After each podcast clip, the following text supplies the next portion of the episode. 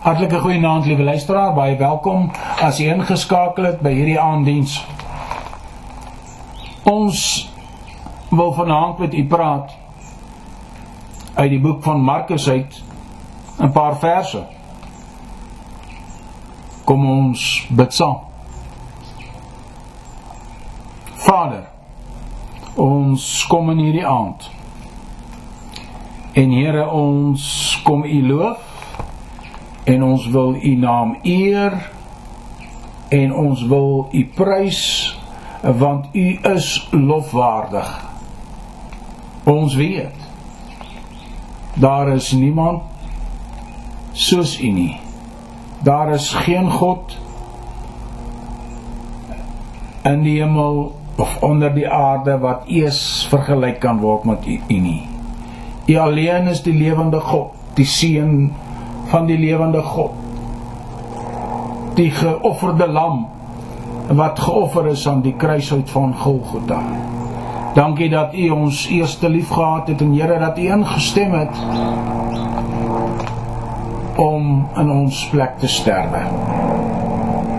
Here ons loof U in hierdie aand, ons prys U en ons aanbid U. Want Here Ons is lief vir U. Ons sê vir U Here, ons is lief vir U omdat U ons eerste lief gehad het en dankie Here dat U liefde in ons harte uitgestort is. Vader, hierdie boodskap van hierdie aand wil ek bid dat U deur U Heilige Gees dit sal dryf en dra tot elke hart. En Here, as ek hierdie boodskap sal aflewer, is my gebed Here dat dit op goeie grond sal val. Here, voorbereide grond wat die Heilige Gees reeds voorberei het en Here dat dit sal ontkiem en honderdvoudig oplewer.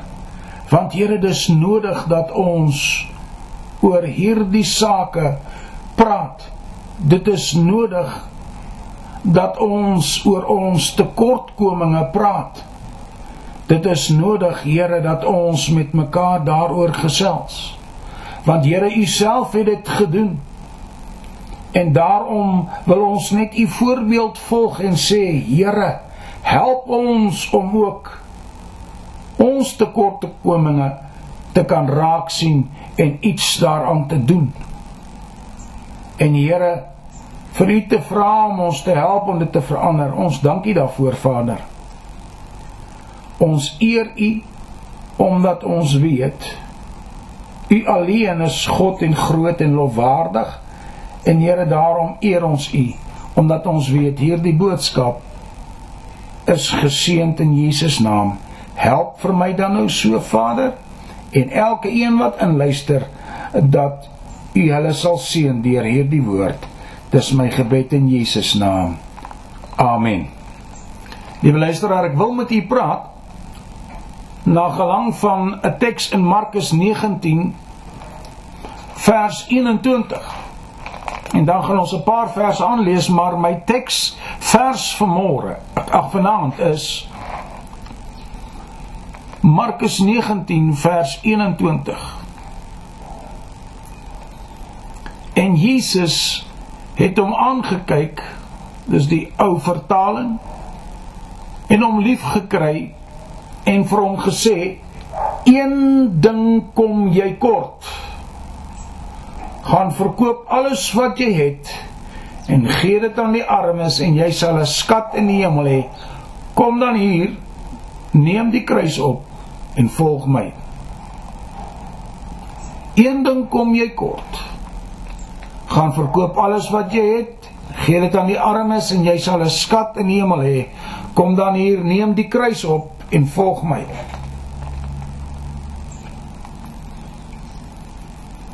Die grootste vraag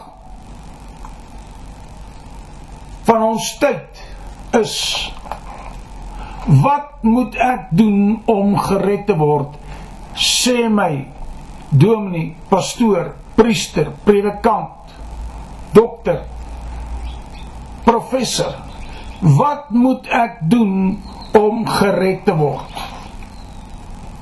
En daar is vrae wat uitkom By watter kerk moet ek aansluit? Hoeveel geld moet ek betaal? Watter mense moet ek ken? By watter kring of geselskap binne die kerk moet ek aansluit? In watter deel van die kerkgebou moet ek sit? Watter programme wat die kerk aanbied moet ek bywoon? Wat alles moet ek dan doen om gered te word? En dan die groot vraag van dit alles is wat is wedergeboorte? Ongelukkig help niks nie. God stel nie belang in mense se prestige nie. God stel ook nie belang in ons geld as omkoopmiddel teenoor hom vir ons redding nie. Johannes 10 vers 6 sê die volgende: Hierdie gelykenis het Jesus aan hulle vertel, maar hulle het nie verstaan nie want dit was wat hy tot hulle gespreek het nie. Jesus het toe weer vir hulle gesê: "Voorwaar, voorwaar, ek sê vir julle, Ek is die deur van die skape. Almal wat voor my gekom het, is diewe en rowers. Maar die skape het na hulle nie geluister nie. Ek is die deur. As iemand deur my ingaan, sal hy gered word. En hy sal ingaan en uitgaan en veiding vind. Die dief kom net om te steel en te slag en te verwoes. Ek het gekom dat hulle lewe en oorvloed kan hê. Ek is die goeie herder. Die goeie herder lê sy lewe af vir die skape. En ek het gedink kom ons hanteer die die eerste vraag. By watter kerk moet ek aansluit? Dominee, pastoor, Hoor wat sê die Here Jesus. Johannes 14 vers 1. Laat julle harte nie ontsteld word nie. Glo in God. Glo ook in my. In die huis van my Vader is daar baie wonings. As dit nie so was nie, sou ek dit vir julle gesê het. Ek gaan om vir julle 'n plek te berei En as ek gegaan en vir julle 'n plek berei het, kom ek weer en sal julle na my toe neem sodat julle ook kan weet waar ek is. En waar ek heen gaan, weet julle en die weg ken julle. Thomas sê vir hom: "Here, ons weet nie waar u heen gaan nie. En hoe ken ons die weg?" Jesus antwoord hom: "Ek is die weg." die waarheid en die lewe. Niemand kom na die Vader behalwe deur my nie. As julle my geken het, sou julle my Vader ook geken het. En van nou af ken julle hom en het julle hom gesien. Filippus sê vir hom, Here, doen ons die Vader en dit is vir ons genoeg. En, en Jesus sê vir hom, ek is so lank al by julle. Het jy my nie geken nie, Filippus? Hy wat my gesien het, het die Vader gesien. En toe sê hy weer toon ons die Vader. Glo jy nie dat ek in die Vader is en die Vader in my nie? Die woorde wat ek tot julle spreek, spreek ek nie uit myself nie, maar die Vader wat in my bly, hy doen die werke. Glo my dat ek in die Vader is en die Vader in my, of anders glo my ter wille van die werke self voorwaar voorwaar ek sê vir julle wie in my glo die werke wat ek doen sal hy ook doen en hy sal groter werke doen as dit omdat ek na my Vader gaan en wat julle ook al in my naam mag vra dit sal ek doen sodat die Vader en die Seun julle mag word. En as julle iets in my naam vra sal ek dit doen. Markus 8 vers 34 sê die volgende: En toe hy die skare saam met sy disippels na hom geroep het, sê hy vir hulle: "Wie agter my wil aankom, moet homself verloon en sy kruis opneem en my volg." Want elkeen wat sy lewe wil red, sal dit verloor. Maar elkeen wat sy lewe om my ontwil en om die evangelie ontwil verloor, hy sal dit red. Wat baat dit 'n mens as hy die hele wêreld wen en dan sy siel skade ly? Of wat sal 'n mens gee as losprys vir sy siel? En die vraag bly by watter kerk moet ek aansluit. U kan aansluit by die kerk wat die waarheid van Jesus Christus se evangelie verkondig. En waar lê die waarheid van die evangelie van Jesus Christus? Baie maklik. Kom ek lees vir u.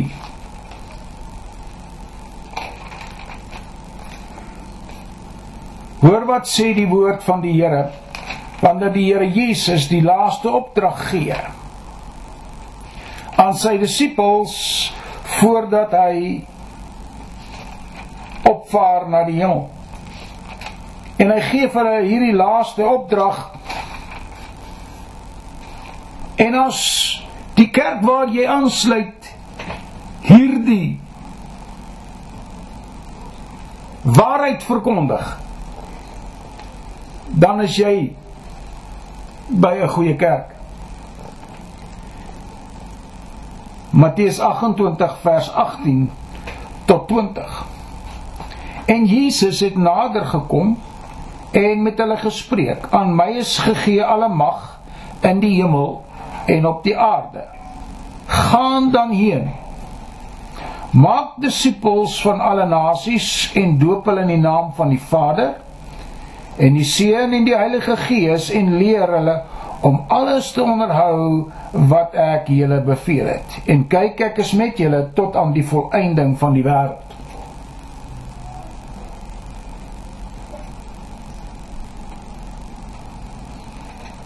Markus 8 vers 37 sê of wat sal 'n mens gee as losprys vir sy siel?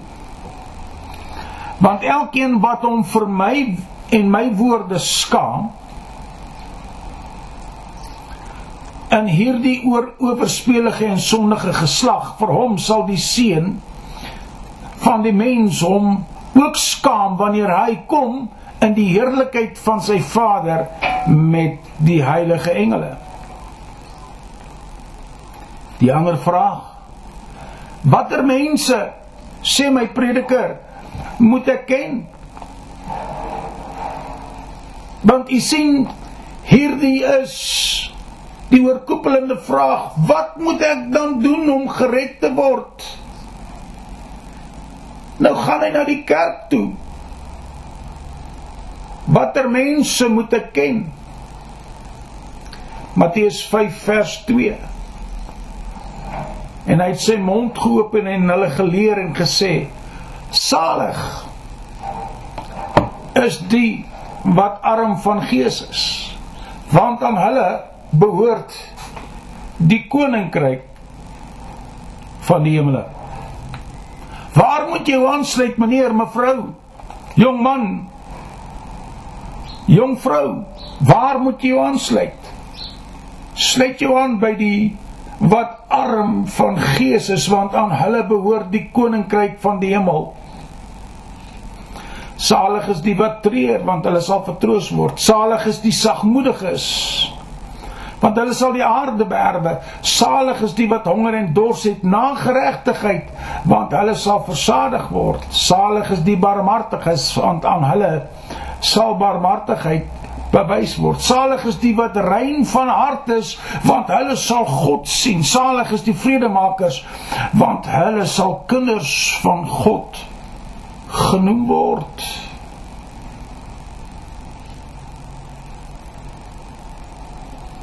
Ek is baie lief vir die kommentare van die ou vertalers en John Wesley lewer hier 'n kommentaar rondom hierdie spesifieke paar verse.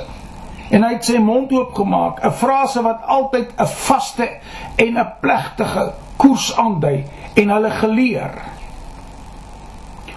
om mense te seën, om mense gelukkig te maak, was die groot saak waarvoor ons Here in die wêreld gekom het.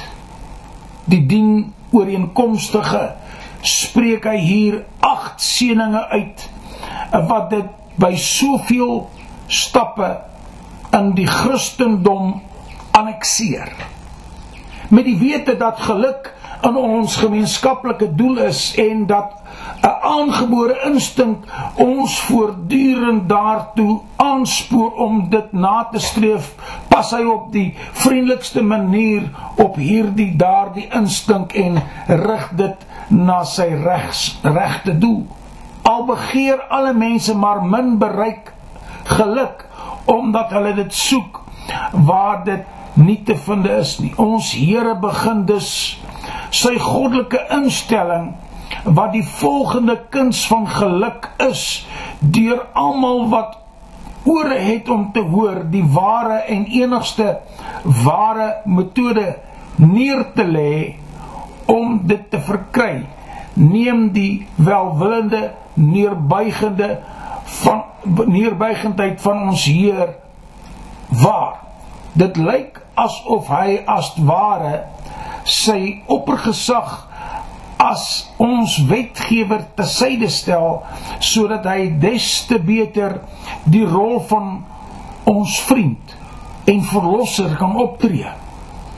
In plaas daarvan om die verhewe styl te gebruik 'n positiewe bevele in positiewe bevele insinieer hy op 'n meer sagte innemende manier sy wil en ons plig deur diegene gelukkig te maak uit te spreek wat daaraan voldoen Matteus 6 vers 19 Hoeveel geld moet ek betaal?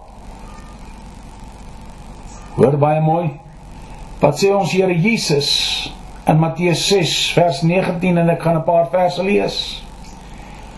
Moenie vir julle skatte bymekaar maak op die aarde waar mot en roes verniel en waar diewe inbreek en steel nie, maar maak vir julle skatte bymekaar in die hemel waar geen mot of roes verniel nie en waar diewe nie inbreek en steel nie.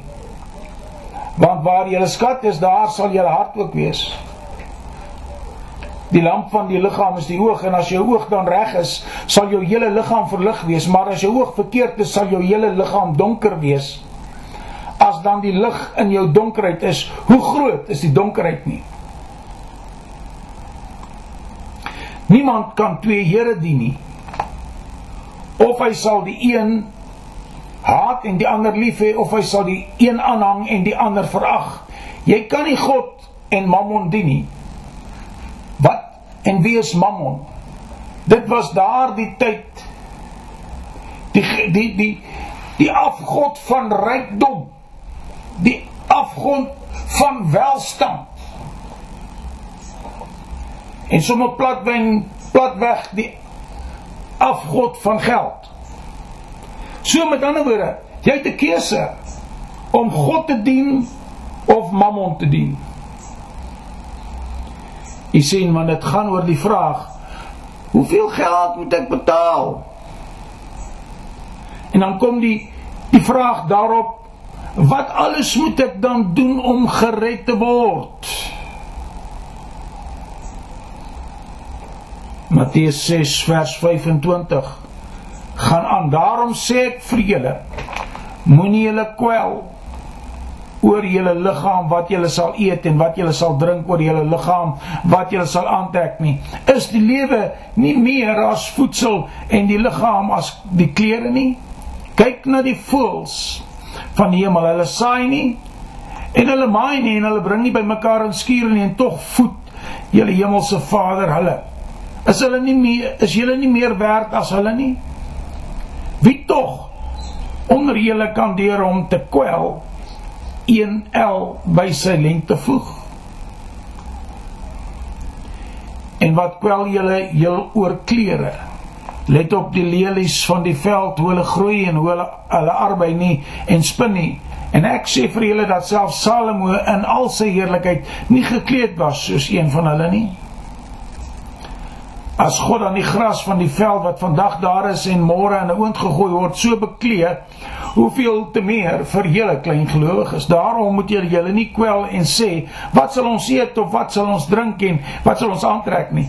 Want na al hierdie dinge soek die heidene, want julle hemelse Vader weet dat julle al hierdie dinge nodig het.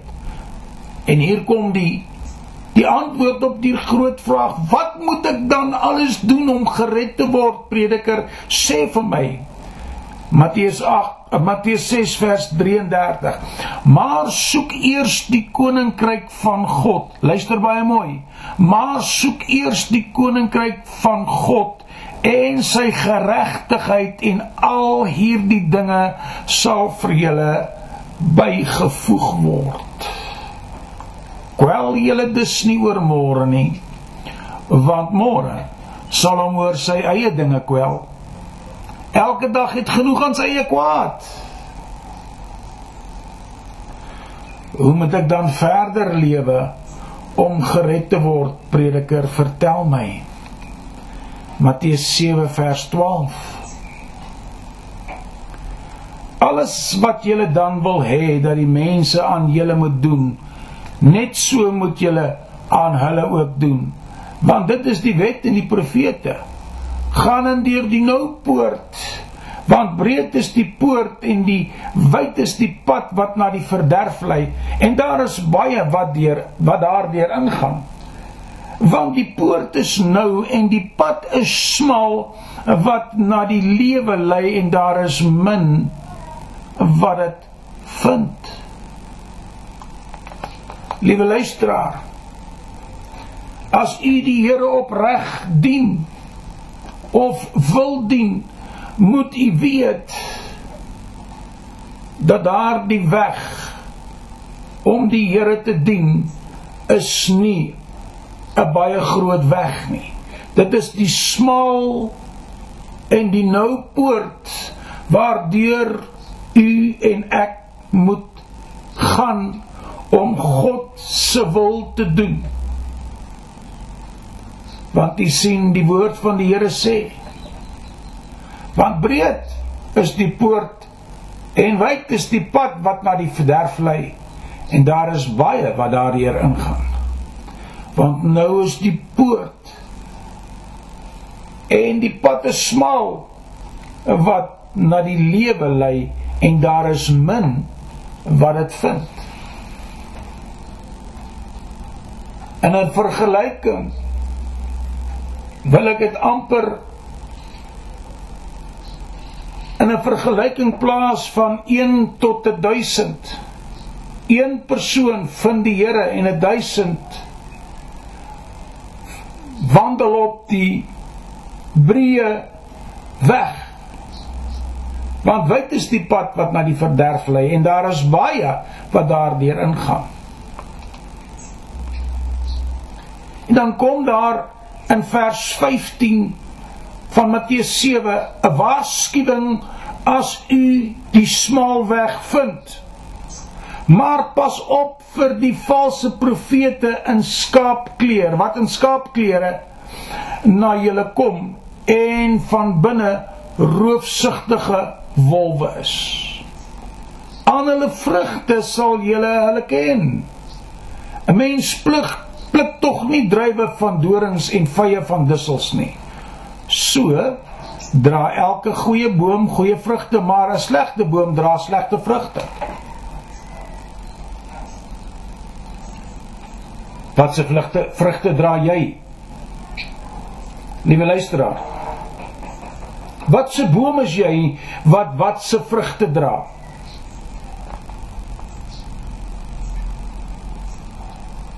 Liewe luisteraar.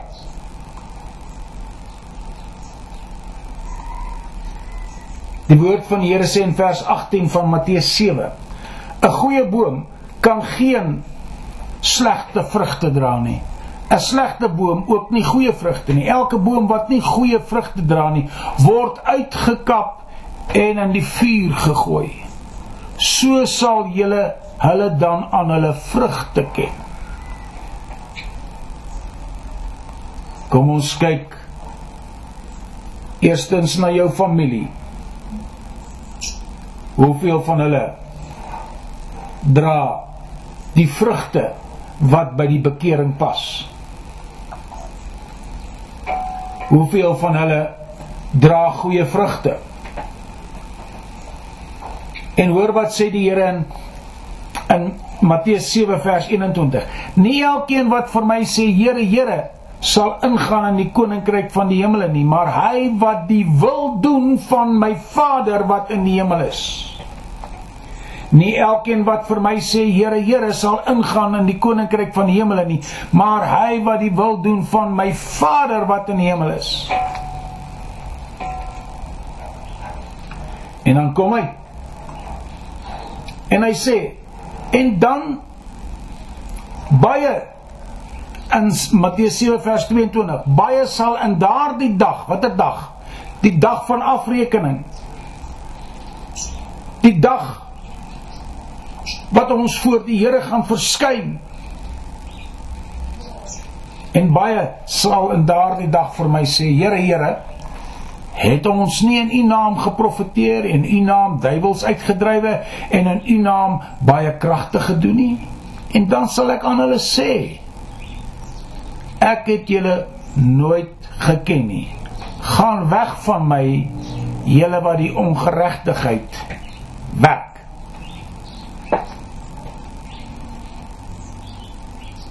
Ek vra nou maar hoe's dit moontlik? Baie maklik.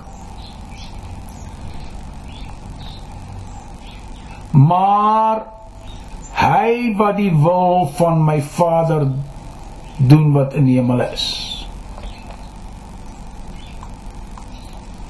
Nie elkeen wat vir my Here Here sê sal ingaan in die koninkryk van die hemele nie. Maar hy wat die wil doen van my Vader wat in die hemele is.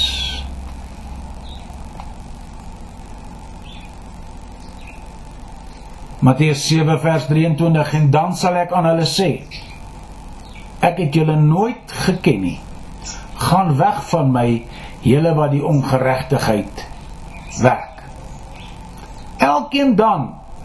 Vers 24 wat na hierdie woorde van my luister en dit doen hom sal ek vergelyk met 'n verstandige man wat sy huis op die rots gebou het. En die reën het geval. En die waterstrome het gekom en die winde het gewaai en teen daardie huis aangestorm. En dit het nie geval nie want sy fondament was op die rots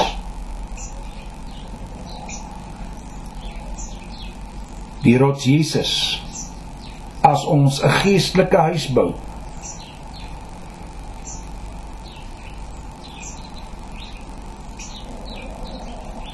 En dan kom ons by 'n baie belangrike vraag.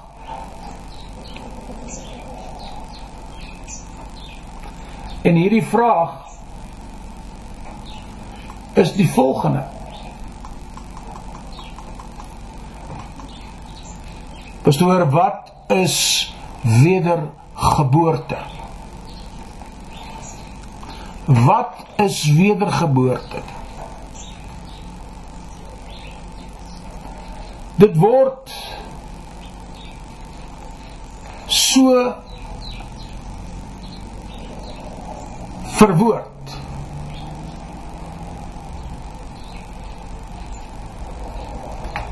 Dit word in die Grieks verwys na heiligmaking. Die generiese beteken betekenis van heiligmaking is die toestand van behoorlike funksionering. Om iemand of iets te heilig is om daardie persoon persoon of ding af te sonder vir die gebruik wat deur die ontwerper daarvan bedoel is. 'n Pen word geheilig wanneer dit gebruik word om te skryf. Brille word geheilig wanneer dit gebruik word om sig te verbeter. In die teologiese sin word dinge geheilig wanneer dit gebruik word om die doel wat wat God bedoel. 'n Mens word dus geheilig wanneer hy of sy volgens God se ontwerp en doel lewe.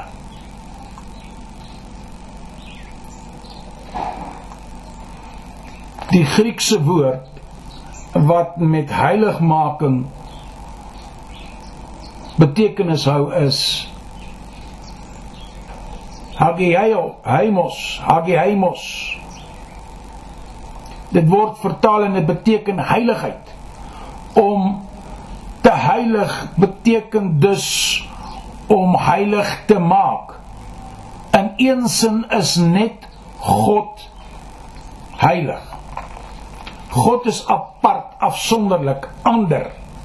Geen mens of ding deel die heiligheid van God se wesenlike natuur nie. Daar is net een God. Praat die skrif oor heilige dinge.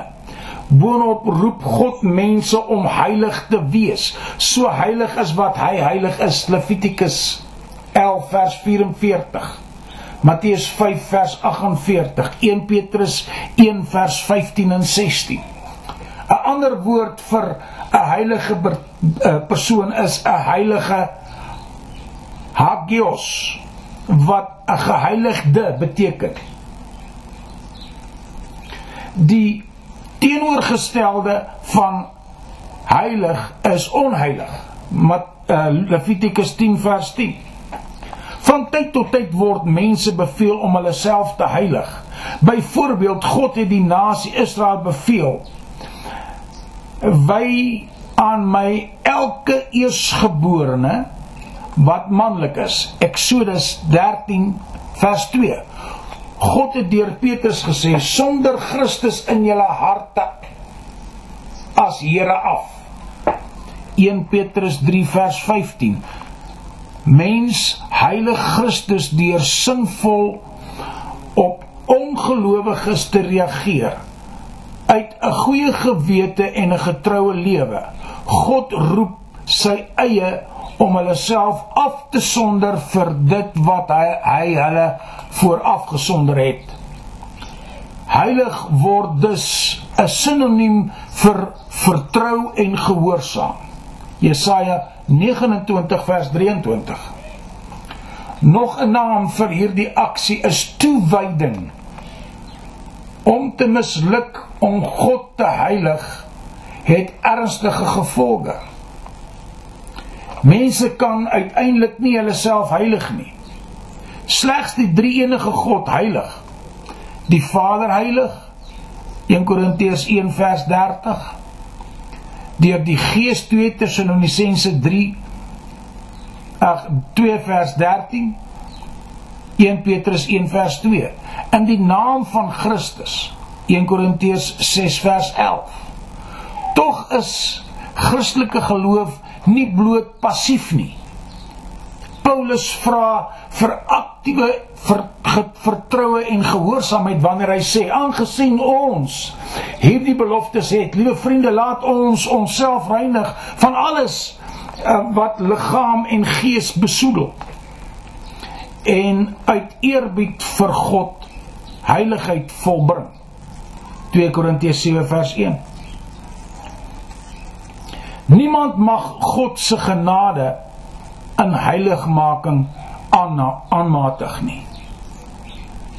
Petrus herinner gelowiges om ywerig te wees om hulle roeping en uitverkiesing vas te maak. 2 Petrus 1 vers 10. 'n Persoon of 'n ding kan op twee maniere geheilig word volgens God se skepingsdoel of volgens God se verlossingsontwerp. Almal wat in die eerste sin geheilig word, word deur God in die tweede sin gebruik. Nie alles wat God in die tweede sin gebruik is eerste is in die eerste sin heilig, geheilig nie. Hoekom sê hy so? Heiligmaking volgens God se skepende ontwerp. God het die heelal en die mense volmaak geskep. Dit wil sê geheilig. Alles en almal wat foutloos gefunksioneer het totdat Adam en Eva Satan se leuen geglo het. Die sondeval het die mensdom en die heelal in 'n toestand van disfunksie gedompel. Genesis 3 vers 14 tot 19. Nie een is so verdraai deur die sondeval om God se oorspronklike doel en ontwerp heeltemal uit te wy, uit te wis nie. Gevalle mense dra steeds God se beeld.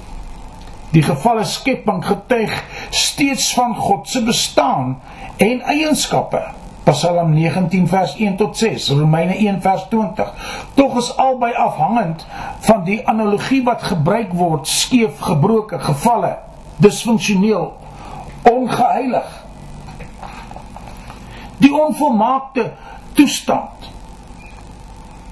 van die skepping is 'n herinnering dat God se ten volle geheiligde doel daar daarvoor deur sonde ontwrig is.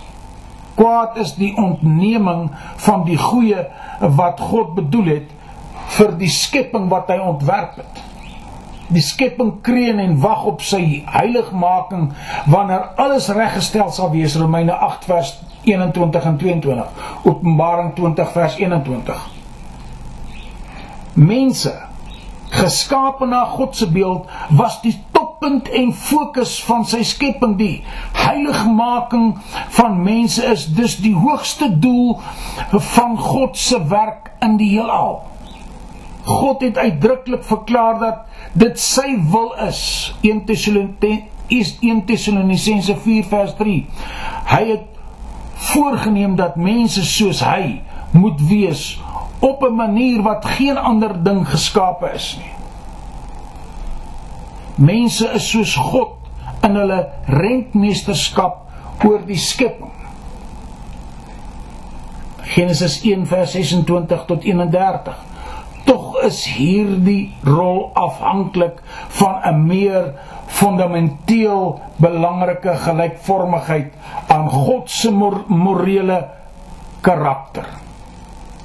Ja, op grond van die genadegawe genadegewe diskresionêre autonomie, die geloof kan mense so op God staat maak dat sy morele karakter, die oordraagbare eienskappe vertoon word.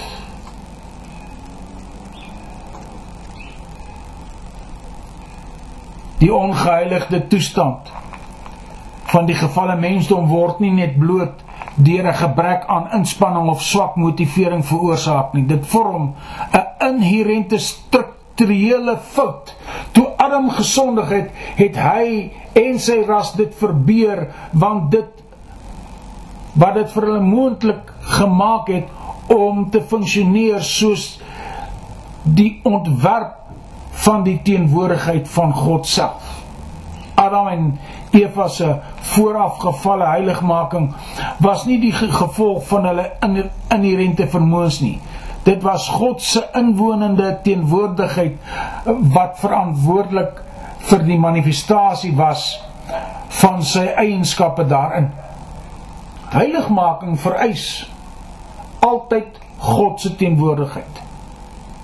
Sy teenwoordigheid is meer as sy daar wees 'n uitvloeisel van die alomteenwoordigheid. Dit is sy dinamiese teenwoordigheid wat vrugte produseer waarvoor hy alleen is die bron.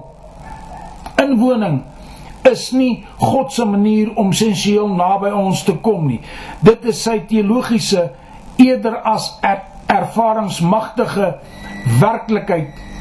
Dit word ervaar deur geloof, nie deur gevoel nie. Mense kort aan God se heerlikheid. Romeine 3 vers 23. Omdat hulle God se teenwoordigheid ontbreek wat heerlikheid voorbring.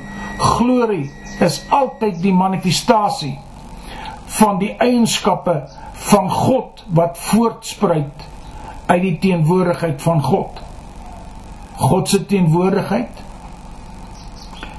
was die noodsaaklike ontbrekende faktor in Adam en Eva se naval toestand.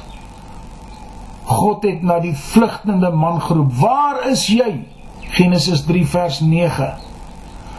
God het nie inligting gesoek nie. Hy was besig om aan die sondige mensdom te verduidelik dat sy teenwoordigheid nou verlore was.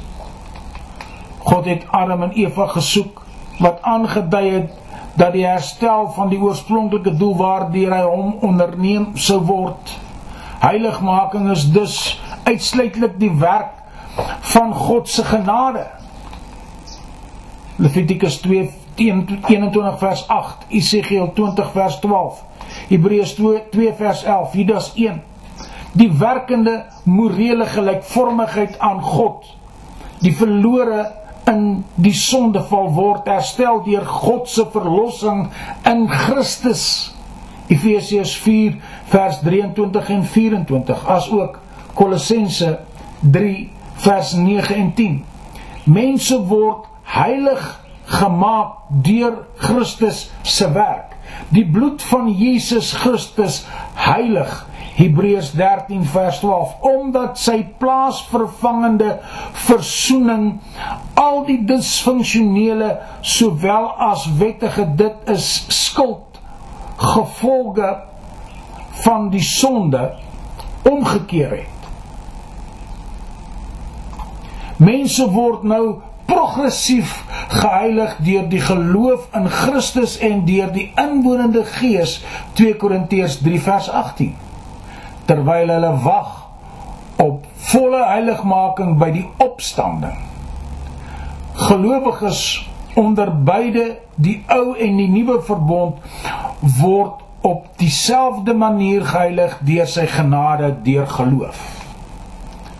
Heiligmaking volgens God se verlossende verlossingsdoelstellings benewens die ontwerp van die doel van die skepping die funksionerende mens in 'n gepaste volmaakte omgewing het God ook die middele ontwerp om daardie doel te bereik.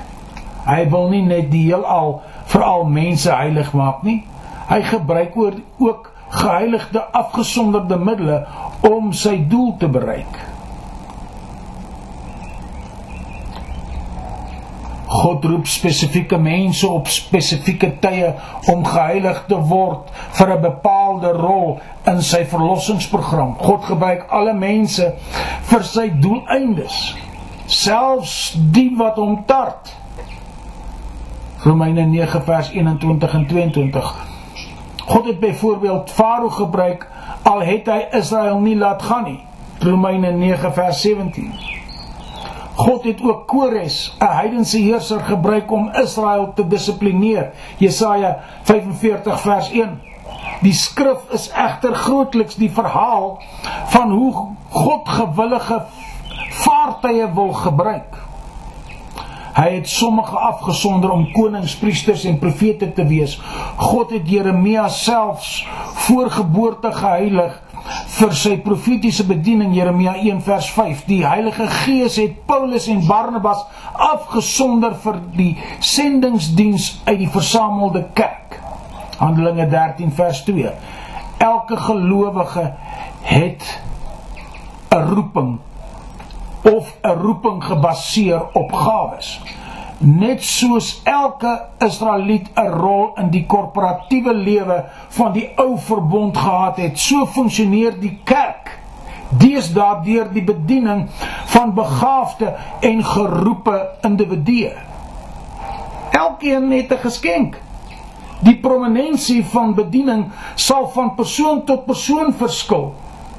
Tog heilig elkeen sy of haar roeping deur getrouheid.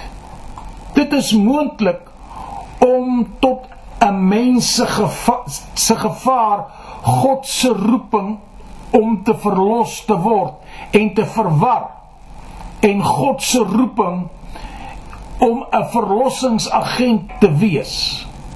Eersgenoemde is 'n voorvereiste vir die laasgenoemde. Die laasgenoemde kan nie die eersgenoemde vervang nie. Baie Israeliete was persoonlik ongeheilig omdat hulle aangeneem het dat hulle roeping om 'n verlossende nasie te wees God se heiligmakende genadig waarborg het. Hulle het God se woord verontagsaam. 'n Gebrek aan geloof in God. Hebreërs 4 vers 2 en hulle trots geword op hulle prestasies. Jesus het sy strengste woorde teen die ongeheiligde fariseërs uitgespreek Matteus 23. God het Israel as 'n nasie geoordeel deur hulle op sy te sit as God se kanaal van seën vir die wêreld Matteus 21 vers 43. Maar vir 'n tyd, hierdie maar vir 'n tyd God is vasbeslote om al sy beloftes aan sy verlossingskanaal te vervul. Romeine 11 vers 25 tot 29. God het Israel nietemin as 'n ongehoorsame volk gebruik uit 'n oorblyfsel binne etniese Israel het God sy kerk gebou. Paulus het 'n gereelde vraag gekonfronteer. Hoe kan 'n uitverkore, dit is geheiligde, nasie verlore gaan? Romeine 9 vers 11. Hy het die Joodse gehoor daaraan herinner dat toe God Israel gekies het om 'n verlossingsagent vir hulle te wees Genesis 12 vers 1 tot 3 het hy nie verlossing vir elke Israeliet gewaarborg nie. Paulus het ook nie nie Israeliete gelowiges wat ook geseën is as verlossingsagente die kerk gewaarsku om nie voorreg met staan te verwaar te verwar toe hy gesê het moenie hoogmoedig wees nie maar wees bang want as God die natuurlike takke die Israel nie gespaar het nie hy sal jou ook nie spaar nie. Romeine 11 vers 20b en 21 ons kom by 'n laaste gedeelte. Jesus Christus die heiligmaker en model van heiligmaking die enkelvoudige middel van God se heiligmakende genade is Jesus Christus. Ons is heilig gemaak deur die offer van die liggaam van Jesus Christus eens en vir altyd Hebreërs 10 vers 10. Christus was bevoeg om heilig om te heilig omdat hy self deur lyding geheilig is. Eerstens Jesus Christus was die enigste mens sedert die sonde, sondeval wat 'n voortdurende volmaakte volmaak geheiligde lewe gelei het. Hy was dus sonder sonde, sonder skuld of 'n disfunksionaliteit. Hy is geheilig vanaf die oomblik van sy bevrugting. Matteus 1 vers 18 tot 20, Lukas 1 vers 35. Hy is tereg die heilige van God genoem, geheilig deur die Vader. Johannes 10 vers 36. In sy karakter was Jesus Christus dus moreel geheilig. Tydens tweedens is hy 'n beroepsgewyd geheilig. Christus het gedoen waarvoor die Vader hom geroep het. Hy het sy beroepsdoel deur die tyd bereik maar tog het hy voortdurend sy morele doel vervul. Hy het homself geheilig deur sy unieke roeping as Messias te vervul, deur by sy opstanding tot die seun van God verklaar te word. Jesus Christus is die modelmens vir beide morele en beroepsheiliging. Liewe luisteraar, Wat kom jy kort? Wat kom jy kort in hierdie aand? Het jy verwaand geraak of het jy al begin dink jy's iets in iemand. En soos ons jonger mense sê, jy het nou gearriveer, jy's hier. Almal moet net na jou kyk.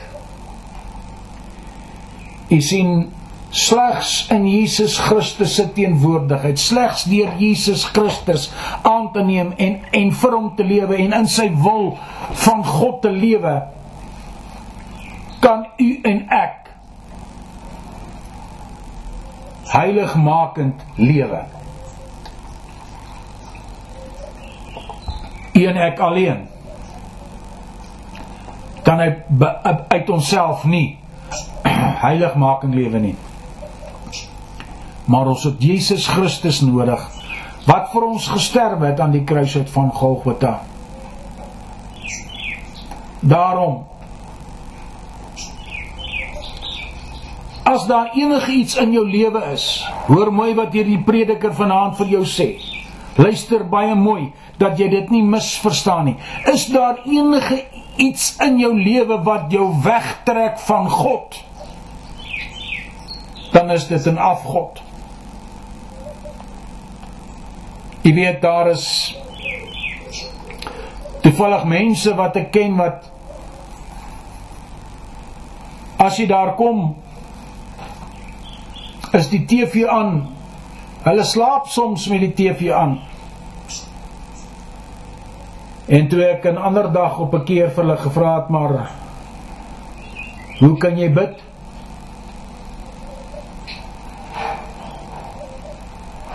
Nee, maar my dominee bid.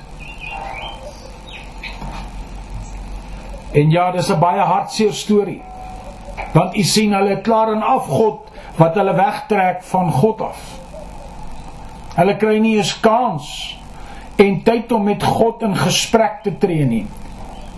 As dit jy is ook wat in dieselfde omgewing of jy werk totdat jy omval dat jy in die bed neerslaan as ware en nie eers oordentlik met God kan praat en bid en sê dankie vir hierdie dag, dankie vir die krag dan het jy 'n probleem, dan het jou werk in afgod geword. Dan kom kort jy een ding. Dan kom jy een ding kort. Jou afgod staan tussen jou en Christus. Tussen jou en God, tussen jou en die Heilige Gees.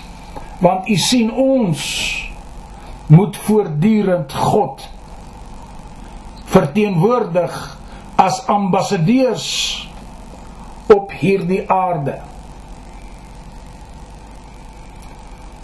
Ons is geroepe om Jesus Christus en die koninkryk van die hemel te verkondig hier op aarde. Ek het vir u die skrif gelees. Gaan dan heen Maak disippels van alle nasies, doop hulle in die naam van die Vader en die Seun en die Heilige Gees. Nee, dis my pastoor of my dominee of my priester nie. Dis jou werk ook, want jy kan die evangelie verkondig. Jy moet die Bybel as ware wees wat niemand anders lees waarmee jy te doen het nie. Want jy sien ons elkeen het 'n getuienis wat ons moet uitleef na buite dat mense kan sien sonder om te vra dat hierdie man en vrou of jong man of jong vrou dien die Here. Daarom wil ek vir u in hierdie aand sê kom ons kom by mekaar. Dit is tyd dat u 'n besluit neem.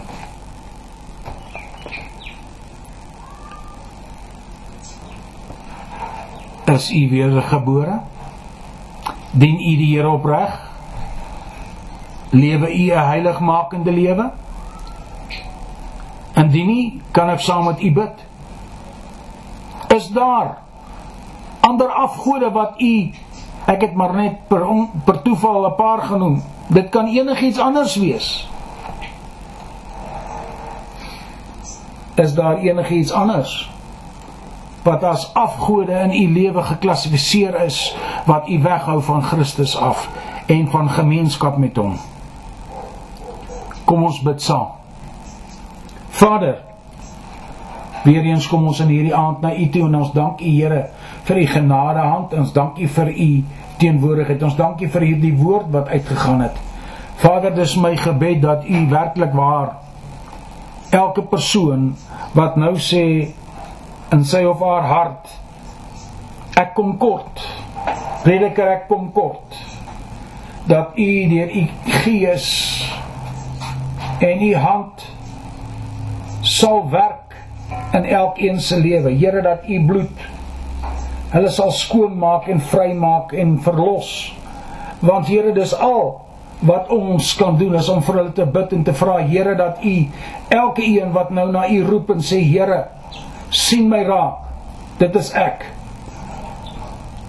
Here dat U vir hulle sal help om daardie afgode af te sterwe en Here 'n ver, verhouding met U te kweek.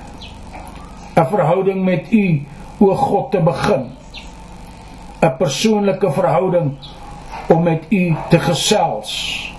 Ons dank U Here dat ons weet U nader tot hulle wat tot U nader.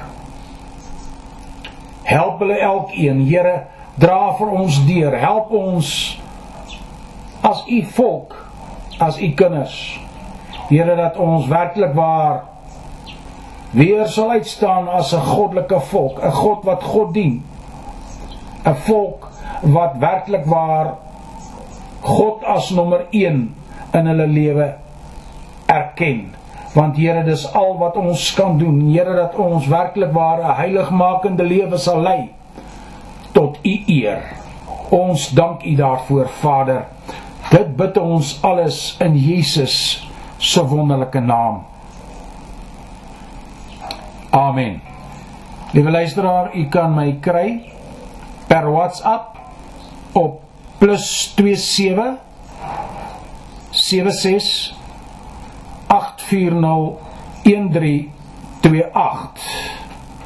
of per e-pos by alles klein lettertjies die volgende dr.af.weiers